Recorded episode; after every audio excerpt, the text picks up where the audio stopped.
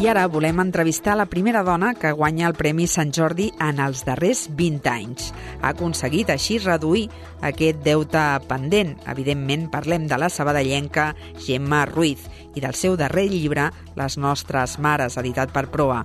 Una proposta que ha aconseguit doncs, aquest reconeixement amb aquesta novel·la plena de força, de potència, sobre aquelles dones nascudes als anys 50 que van créixer en ple franquisme i en una societat marcada per la repressió del gènere femení. Una proposta que arriba a la nostra ciutat. Apunteu a les vostres agendes. Aquest dijous, 9 de març, tindreu la possibilitat de veure doncs, a l'autora, la Gemma Ruiz, i també a la periodista sabadellenca, la Laura Rossell, al casal Pere Quart. Serà a les 7 de la tarda. Però nosaltres, avui dilluns, ja us volem explicar una mica més d'aquesta proposta. Per això saludem a l'escriptora Gemma Ruiz. Bon dia, Gemma. Bon dia, bon dia. A veure, uh, tenim moltes ganes de que ens expliquis, no?, també perquè vindràs a presentar aquí, a casa nostra, molt ben acompanyada, també per la periodista Laura Rossell, aquest nou llibre. Sí, em fa moltíssima il·lusió sempre jugar a casa, és d'aquells dies importants, i el casal Pere IV, que és un lloc que té una simbologia molt important per, per aquest nostre gran escriptor, uh -huh. sabadellenc, i també amb la companyia d'una gran companya i periodista, la Laura Rossell, i, i bé, amb tots els, eh, doncs això, els compatriotes que aquell dia vulguin venir a, allà a escoltar-nos. Uh -huh. A descobrir, no?, doncs a, aquesta darrera novel·la. Explica'ns una mica com, com va sorgir, no?, i de moment quina acollida ha tingut, perquè la veritat és que hem vist que, que has, ha estat, doncs, a, entrevistada a molts mitjans, no?, i que són moltes les presentacions que has estat fent. Mira, doncs un dels feedbacks més bonics i, i per mi més important, jo diria que és el més important, una mica quan quan les lectores m'ho van dir, vaig fer la broma de dir, bueno, doncs jo ara ja em puc morir, que no, que no, que no, que no està previst, eh, que, que passi. No, eh? O sigui, ens morirem no, tots, però encara ens no, queda no, molta no. vida, de Gemma. De moment no, tinc molta feina, per, com a mínim deixeu-me arribar a Sant Jordi. No, però un, una de les coses per mi més importants és allò, la prova del cotó, -huh. és que una, un parell de lectores sí. ja m'han dit que és el tercer i quart les nostres mares que es compren, perquè són d'aquesta generació de les homenatjades, diguéssim, aquesta generació dels anys 50 que tu explicaves a la intro, i se'l comencen a llegir i pensen, aquest llibre se l'ha de llegir tal amiga meva, li regalo. Se'n compren un altre. Hòstia, és que també se l'ha de llegir l'altre. Li regalen, se'n compren un altre. Bueno, a veure, aquest si em dura per mi. Clar, això, que unes a les altres es reconeguin i se'l regalin entre elles, Vull dir, és que a mi el cor m'explota, perquè jo tenia, uh -huh. la, la, no tenia por, perquè jo ho he fet des de molt, amb molt respecte, les he, sí. les he intentat entendre, la seva joventut, les seves circumstàncies. És un acte d'amor, no?, el que faig a, a la generació de les nostres mares, però bé, eh, jo sabia que quan me les trobés a les presentacions i als clubs de lectura, tindria, a l'altra banda, aquesta generació que em podria contrastar coses i podria dir-me, ostres, doncs noia, no ho has aconseguit, no m'hi sento representada, no? Hi ha gent que, que li ha passat, hi ha alguna que m'ha dit, jo vaig poder anar a la universitat, uh -huh. vaig ser molt privilegiada, i tot i que no és la meva vida, sí que entenc i veig altres, no? Però és que m'estan dient moltes mm, ens hi reconeixem, reconeixem les nostres amigues, i l'altre dia una senyora a Badalona em va dir és que jo em reconec una mica, o sigui, em reconec en cada una d'elles alguna cosa. I clar, per mi això és l'honor màxim, és la prova màxima m'és igual les crítiques dels eh, que es creuen els grans crítics literaris perquè tinc aquest feedback que per mi és el més important. Clar, perquè precisament era per elles, no?, doncs aquest homenatge. Parla'ns d'aquestes dones, no?, de les protagonistes, que també, doncs això, malgrat doncs, eh, que vivien en una època en què encara doncs, eh, es notava més doncs, això, no?, l'ombra del patriarcat, els privilegis eh, dels homes i totes aquelles normes socials que, doncs això, les eh, acotaven, elles, malgrat tot, es rebel·laven.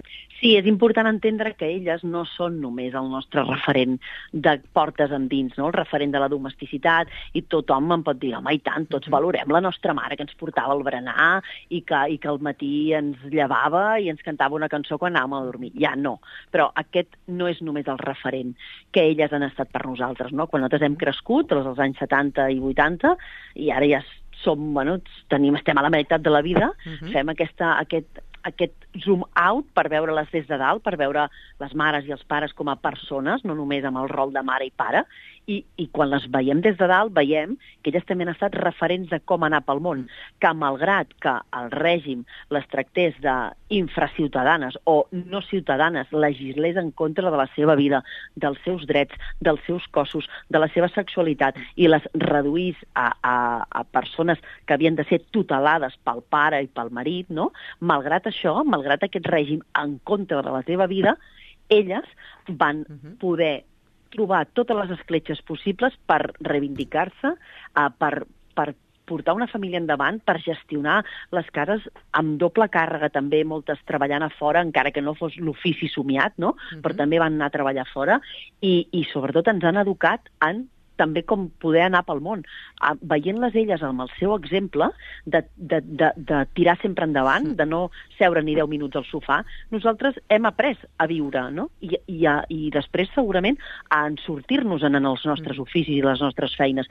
I això que sempre ho havíem adjudicat personalment i col·lectivament, parlo per mi, parlo per, per molt el col·lectiu que ara ens n'estem adonant, sempre havíem referenciat els nostres triomfs professionals amb els nostres pares, també, però també hi havia l'educació i els valors que ens han donat les nostres mares en anar pel món, no només de portes endins. I per mi era important aquest llibre per reconèixer que mm, que el món no existiria i no, hi ha, no seríem qui som sense elles.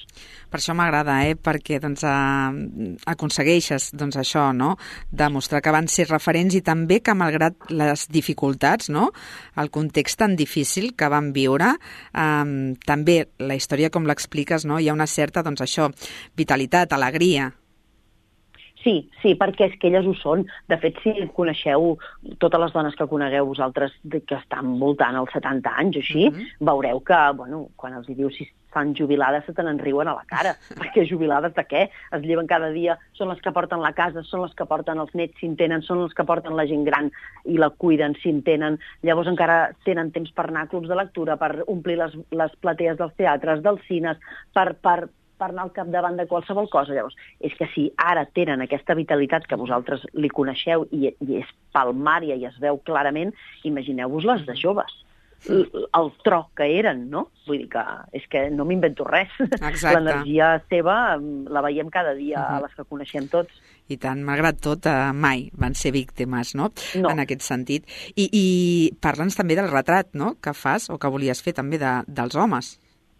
Sí, clar, els homes aquí havien de participar, lògicament, en aquesta novel·la, mm, perquè ells estan presents a, la, a les nostres vides, lògicament, i, i ells tenen aquest, aquesta inconsciència de privilegi, no? que segurament quan llavors van tenir filles, van veure que les seves filles havien de, de ser autònomes, havien d'estudiar, havien de, de triar la seva vida i el que, el que sempre han volgut per les seves filles, ells fins fa poc que no han estat conscients que amb les seves dones ells no van fer un pas endavant, sinó que es van inscriure en la lògica dels temps i ells ho van acceptar perquè també els privilegiava. Vull dir, arribar a casa i tenir-ho tot fet, la veritat, costa de, diguéssim, de negociar quan ho, ho dones per descomptat, no? I llavors, clar, ells queden eh, retratats en el sentit d'estar inscrits en un mm. sistema que, per més antifranquista que fossis, si eres home blanc, et privilegiava.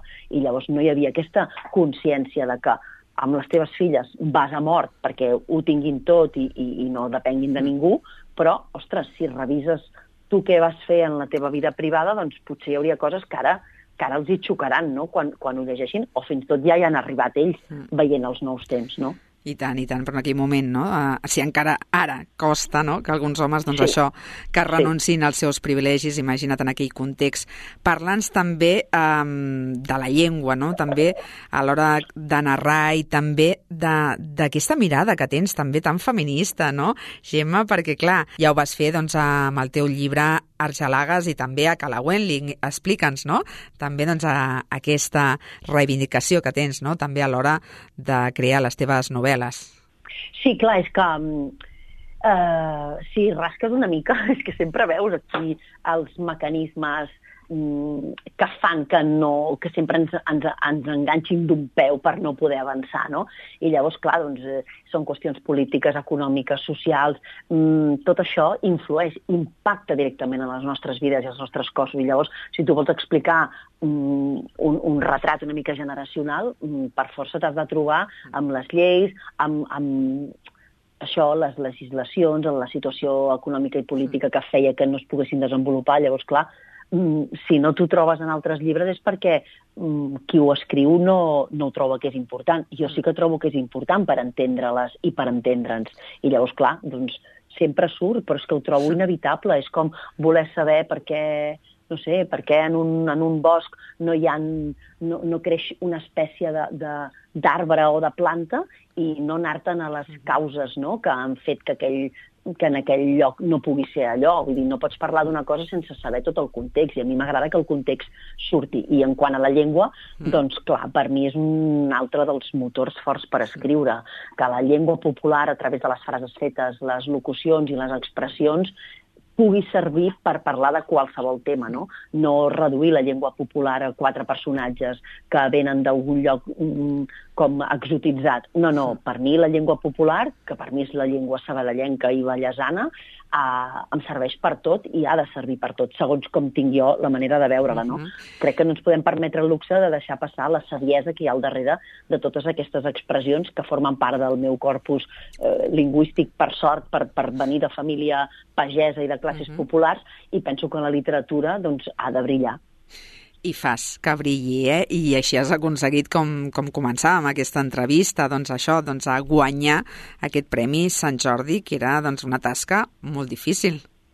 Sí, jo no m'ho esperava pas, eh? Vull dir, estic superagraïda al jurat, sorpresa i agraïdíssima, perquè, bueno, jo m'escric eh, com crec que, que, que, que es tradueix el meu, que es pot traduir millor el meu compromís amb la llengua i amb el que jo, amb les històries que jo vull explicar, però no penses que pugui traduir-se en un, en un reconeixement tan, tan bonic, no? I, I vaig tenir una sorpresa perquè, bueno, era com llançar una pedra al mar, a veure què, a veure si, si no sé, fins a on arribava no, aquesta pedra, i va arribar molt lluny. I llavors doncs, va ser una sorpresa, però també un honor molt gran. Jo encara no m'ho acabo de creure, eh, que, que l'he guanyat. Imagina't que ja fa dies, però, és, és gros, és fort. doncs ja t'ho pots ben creure i sobretot pel que deies, eh? per aquest reconeixement que et fan elles, eh? les nostres mares. Una abraçada. Moltíssimes gràcies, Raquel. Com sempre, un plaer parlar amb tu i amb, tots, amb totes les oients i oients de, de la ràdio de, mm. de la meva ciutat. Doncs a nosaltres només emplaçar això, que us vagin també doncs, a veure en aquesta presentació a la nostra ciutat. Una abraçada i fins la propera.